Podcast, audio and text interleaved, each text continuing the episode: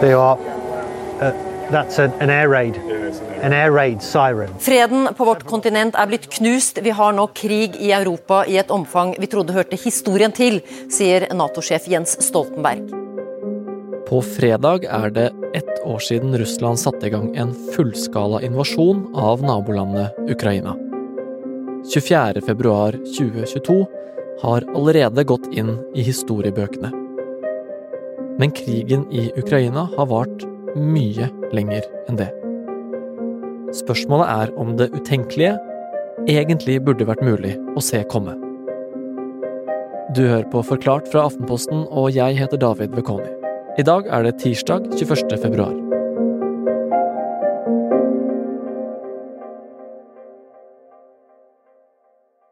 Det er viktig å se tilbake for å forstå krigen.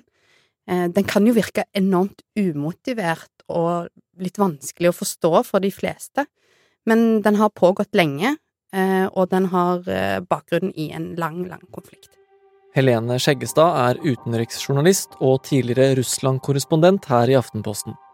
Og nå som fullskalakrigen har vart i snart et år, føles det veldig fjernt at det var en tid hvor nesten ingen trodde at det utenkelige kunne skje, at Russland skulle invadere Ukraina. Men bare prøv å huske hvordan det var da vi levde i et Europa uten full krig. Det er helt uvirkelig å se tilbake på. For det, nesten ingen hadde jo trodd at en sånn fullskala invasjon faktisk ville skje.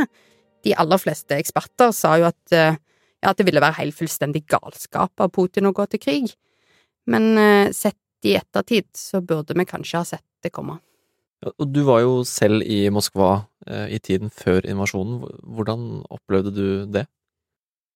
I månedene før, og ja, for ikke å si årene før eh, denne fullskala krigen, så var egentlig stemningen at Ukraina og, og, det som foregikk der, det var ikke så viktig. Altså, riktignok så snakka Putin på inn- og utpust om Ukraina, men, men, folk flest var jo ikke opptatt av det. Og jeg husker på morgenmøtene hvis jeg sa at ja, nå er det styrkeoppbygging eh, ved Ukrainas grense, kunne man liksom høre et sånn kollektivt sukk gjennom forsamlingen, for dette har vi jo skrevet om i ja, syv–åtte år, da. Men så kom jo høsten 2021, og det begynte å bli veldig mange soldater langs denne grensa. Eh, over 100 000 ble rapportert. Russland er nå i gang med en omfattende militærøvelse sammen med Hviterussland tett opp mot den ukrainske grensen. Build-up, continues and has grown to 148,000 troops. The number of Russian forces is going up. The warning time for a possible attack is going down. Likevel så trodde jo vi at dette med soldatene var mest for å skremme. Det var jo knapt noen som så for seg det som venta. Og etter hvert så begynte man jo faktisk å innse at ingen, det ingen trodde skulle skje, var en reell mulighet. For 21. februar så kom jo Putin med en dritskummel tale. В сложившейся ситуации, когда наши предложения о равноправном диалоге по принципиальным вопросам фактически остались без ответа Putin var jævlig sint, han fråda nesten, og jeg har sett mange taler med Putin, men jeg kjente han nesten ikke igjen. Eh, det var en timeslang tirade om Nato og Vesten og hvordan Russland har prøvd å være greie, men, men Vesten truer deres eksistens, og han avviste jo òg at Ukraina var et land og da tenkte jeg at eh, dette lover ikke godt. Men jeg trodde jo at Putin i anførselstegn bare kom til å gå inn i områdene i Donetsk og Luhansk, øst i Ukraina, som jo allerede var kontrollert av russiskstøtta opprørere, og at han kom til å ta over det området. Men så nøyde jo ikke Putin seg med det.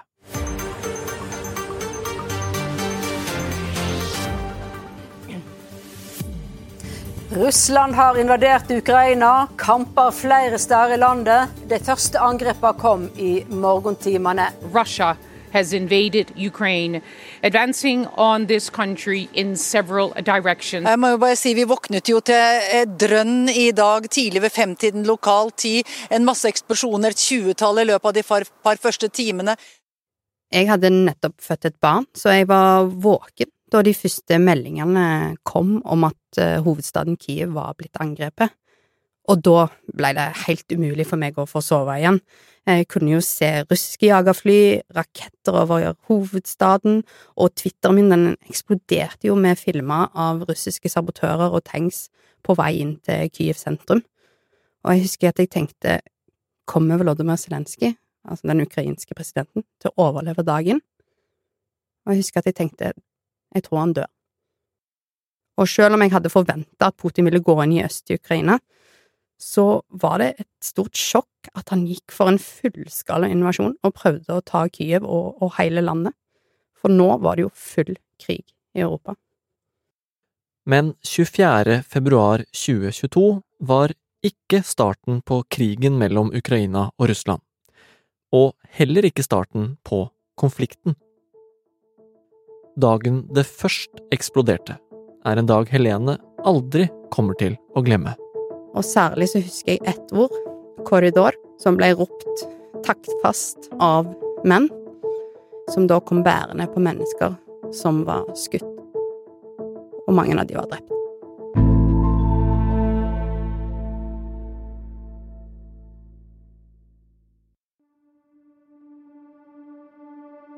Den natta, altså 24. februar, så sto jo russiske tanks på ukrainsk jord, og de prøvde å ta hovedstaden. Men folk i Ukraina har vært i krig i nesten et tiår allerede. Den væpnede konflikten, krigen i Ukraina, har pågått siden 2014, da fylkene Donetsk og Luhansk i øst ble erklært som såkalte folkerepublikker av russiskstøttede opprørere, og Krymhalvøya ble annektert av Russland. Men for å forstå bakgrunnen så må vi se lenger tilbake i tid. Altså veldig langt tilbake i tid. Hvis vi begynner på 950-tallet, så ble Kyiv hovedstaden i det som heter Rusriket. Som da besto av mesteparten av dagens Ukraina og det europeiske delen av Russland. Så selv om Ukraina og Russland alltid har vært to land, så har det vært et spesielt forhold mellom de to landene. Eh, veldig mange har slekt i det andre landet, det er tette bånd opp gjennom historien, og, og da særlig under Sovjetunionen. Eh, de tette båndene fortsatte òg etter Sovjetunionens fall, eh, særlig da når det satt prorussiske presidenter ved rattet i Ukraina. Men Ukraina har den siste generasjonen, altså de siste 30 årene, da, flytta seg mer mot vest. Og dette ble satt på spissen i 2013. Da sto nemlig Ukraina overfor et stort valg. Skulle de se østover som før, mot Russland, eller vestover, mot EU? Ja, den ukrainske presidenten på denne tida, Viktor Janukovitsj, han hadde vært russiskvennlig lenge, eh, men det så ut som han skulle velge EU. Så i siste liten snudde han og valgte Putin og Russland istedenfor. Og da ble det jævlig dårlig stemning. Сірко Іван Запоріжжя. Обов'язково у кого є, передавай. På Maidanplassen i sentrum av Kiev så hadde folk samla seg i månedsvis for å demonstrere mot det at uh, presidenten ønsker å ta landet tilbake til Russland istedenfor mot EU og Vesten.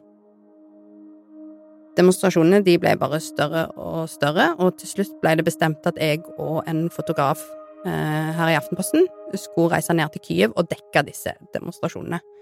Vi kom seint på kvelden eh, og ble møtt av en hovedstad i flammer, egentlig. Eh, vi møtte og prata med mange folk som var helt svarte i ansiktet av, av sot. De drev og, og, og brant bildekk, barrikader som var satt opp i sentrum. Alt sto i flammer. Og de folkene vi møtte, de sa at nå smeller det snart. Men timene gikk, og, og, det smalt ikke noe annet enn at det smalt når uh, bildekk brenner. Uh, og vi gikk og la oss, og våkna neste morgen, og beveger oss igjen ned mot sentrum, mot Maidanplassen. I gatene på vei ned så var det nesten ingen folk. Helt rolig og stille, fint vær. Og når vi kommer ned på plassen, så blir vi da møtt av et inferno. Det er masse røyk. Svart røyk. Den svir i øynene. Det lukter brent. Eh, og Det er vanskelig å puste. Og jeg husker det sto sånne gamle bestemødre og delte ut vann og munnbind. Rett og slett fordi at det var, det var så mye i lufta. Og det var veldig vanskelig å bevege seg uten å, å krasje i mennesker som sprang hit og dit, eller utbrent materiale, gamle bildekk, eh, steiner. De tok og brakk opp eh, brosteinen. Lagde molotov-cocktails. Eh, og det lå rester av piggtrådgjerder og, og brannbomber overalt.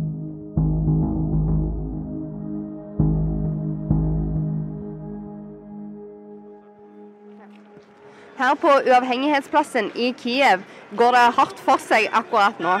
De trodde at dette skulle bli en stille dag etter våpenhvilen ble inngått i går kveld. Dessverre er resultatet det absolutt motsatte. For meg var det først og fremst veldig kaotisk, og det var vanskelig å få oversikt over hva som skjedde. For plutselig så hørte jeg at det ble ropt eh, korridor, altså gi plass i en korridor, av eh, desperate menn. Og jeg trakk meg til sida, så så jeg plutselig at de begynte å bære ut mennesker som var skutt, og noen var helt åpenbart døde.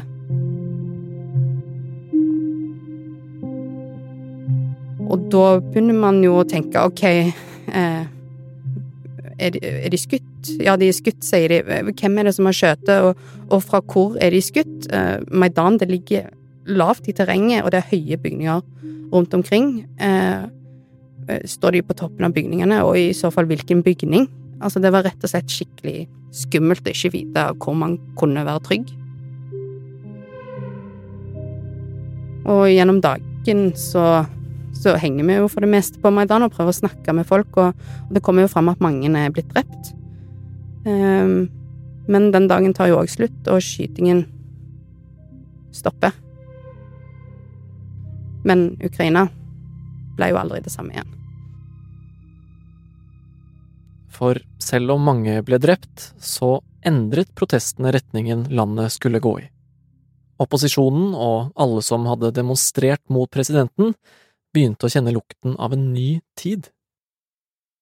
President Janukovitsj rømte til Russland i et helikopter, og da var det jubel i hovedstaden. Men den gode stemningen spredde seg ikke overalt i Ukraina. Sør og øst i landet, i fylkene Donetsk, Luhansk og på Krymhalvøya, bor det flere ukrainere som snakker russisk og er tett knyttet til Russland. Der oppsto det demonstrasjoner eller motdemonstrasjoner, egentlig, mot de demonstrasjonene og det kaoset som var i hovedstaden. Eh, og Aftenposten har vist at Russland gikk hardt inn for å støtte disse demonstrasjonene og disse demonstrantene. Eh, og etter hvert så ender det jo med at Russland ulovlig annekterer Krymhalvøya og erklærer at den er russisk. Eh, og så lager da disse opprørerne, russiskstøttede opprørerne, sine egne såkalte folkerepublikker i Danetsk og Luhansk, med ganske dårlig skjult eh, militærhjelp fra Russland. Og, og, siden den gang så har det egentlig vært litt uh, rar form for selvstyre i disse to områdene øst i Ukraina. Mm. Og hva har det ført med seg? Blodig krig i de områdene av landet, eh, samtidig som livet egentlig har fortsatt litt som før i resten av landet. Det til tross for at disse russiskstøttede opprørerne skøyt ned et passasjerfly på vei fra Amsterdam med hundrevis av sivile uten at Vesten klarte å gi en, en klar respons. Altså, det var flere hundre som mista livet fra hele verden. Den krigen pågikk altså i åtte år, før Putin gikk til full invasjon av Ukraina for ett år siden i selvransakelsens lys, ehm, så har jeg eh, tenkt mye på hvorfor vi ikke klarte å formidle til folk og til lesere hvor alvorlig det var det som har skjedd i Ukraina de ja, nesten siste ti årene. Um, burde vi ha fortalt historiene på en annen måte for å vise at dette kom til å angå mange flere enn bare de som bodde i akkurat disse områdene i Øst-Ukraina?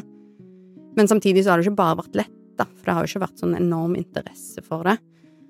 Og som sagt så var jeg jo 90% sikker på at Putin kom til å gå inn i Øst-Ukraina og ta de to områdene og legge de inn under Russland, sånn som han hadde gjort med Krym, for å på en måte lukke det kapitlet.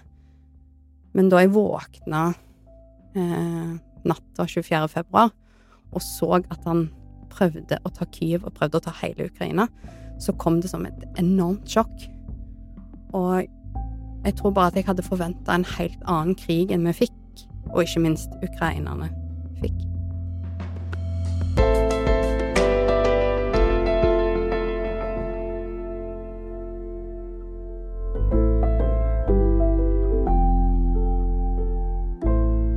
Du har hørt en podkast fra Aftenposten. Det var Helene Skjeggestad som fortalte om bakgrunnen for krigen i Ukraina. Det er også hun og fotograf Pål Audestad som har tatt opp lyd fra Maidanplassen. Ellers har du hørt lyd fra nyhetsbyrået AP, CNN, BBC, NRK og russiske myndigheter. Episoden er laget av Jenny Førland, Trond Odin Johansen og meg, David Vekoni, og resten av Forklart er Synne Søhol, Philip A. Johannesborg og Anders Weberg. Og hvis du vil forstå enda mer av hvorfor Russland gikk til krig, så bør du sjekke ut dokumentarserien Putin og Maria, som vi i Aftenposten slipper i morgen, onsdag. Vi har fulgt en russisk familie i fire år. De har opplevd tap, kaos og trusler fra mafiaen, så kan historien deres gi svar på hvorfor så mange russere støtter krigen. Hør Putin og Maria i Aftenposten-appen eller i Podmy i morgen. Og én ting til. Hvis du bor i Oslo-området eller er innom, så har vi også en fotoutstilling med Aftenpostens bilder fra ett år med krig i Europa. Vi har dyktige fotografer som er der når det skjer, og tar bildene som du ser i avisa. Utstillingen den er på Aker Brygge og åpner nå på torsdag 23. februar. Den blir stående helt til 5. mars og er helt gratis.